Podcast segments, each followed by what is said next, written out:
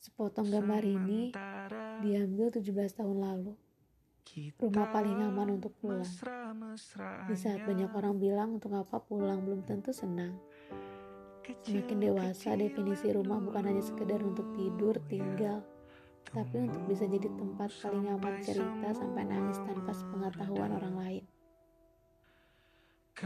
Waktu kecil buru-buru mau jadi dewasa, tapi sulit menerjemahkan maksud semesta yang memberi luka tanpa penawarnya.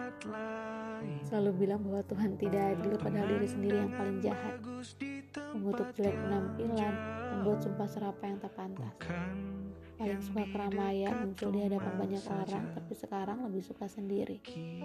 Trauma pada penghakiman orang-orang padahal cerita belum selesai diutarakan, mereka sudah sangat pandai memberi kesimpulan. Sosokku masih ada namun senyum dan tawanya sudah berbeda. Banyak peran yang dimainkan dalam satu tubuh, boleh tidak?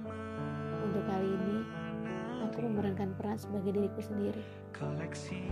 Duniaku terlalu monokrom untuk mereka yang punya banyak warna seperti pelangi. Ternyata, dewasa itu luka dan aku terima. Kepada 33.351 pendengar dan 4.000 lebih yang mampir di kolom komentar, kisah kita sama. Jadi jangan pernah ngerasa sendiri lagi ya. Kalau bingung mau nyari rumah di mana, mampir saja di podcast Beranjak Pulih. Aku tidak tahu bagaimana episode hidup ke depannya akan berjalan seperti apa yang aku tahu masih banyak koma dalam catatan. Dan di kisah kali ini, aku tumbuh dibersamai oleh seseorang yang baik. Bisa Duyang Raini namanya. Darinya aku tahu rasanya berkeluh kesah kepada orang, menumpahkan segala resah tanpa takut dicecar. Dia pendengar yang baik. Jadi seseru itu ternyata. Sayangnya kita tidak punya cerita istimewa di dongeng ini. Setiap bertemu tidak pernah saling bicara, kita asing di dunia masing-masing. Coba lihat, tidak ada foto kami di sana.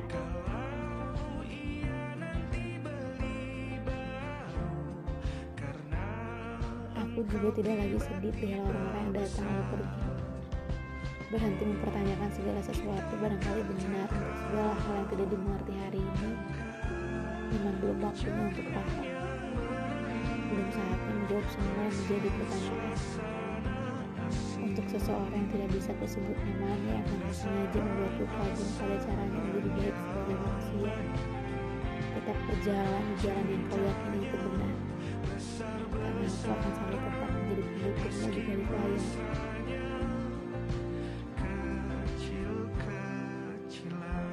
Terima kasih. Bersedia foto bersama dan ini akan menjadi kenangan terindah tahun ini.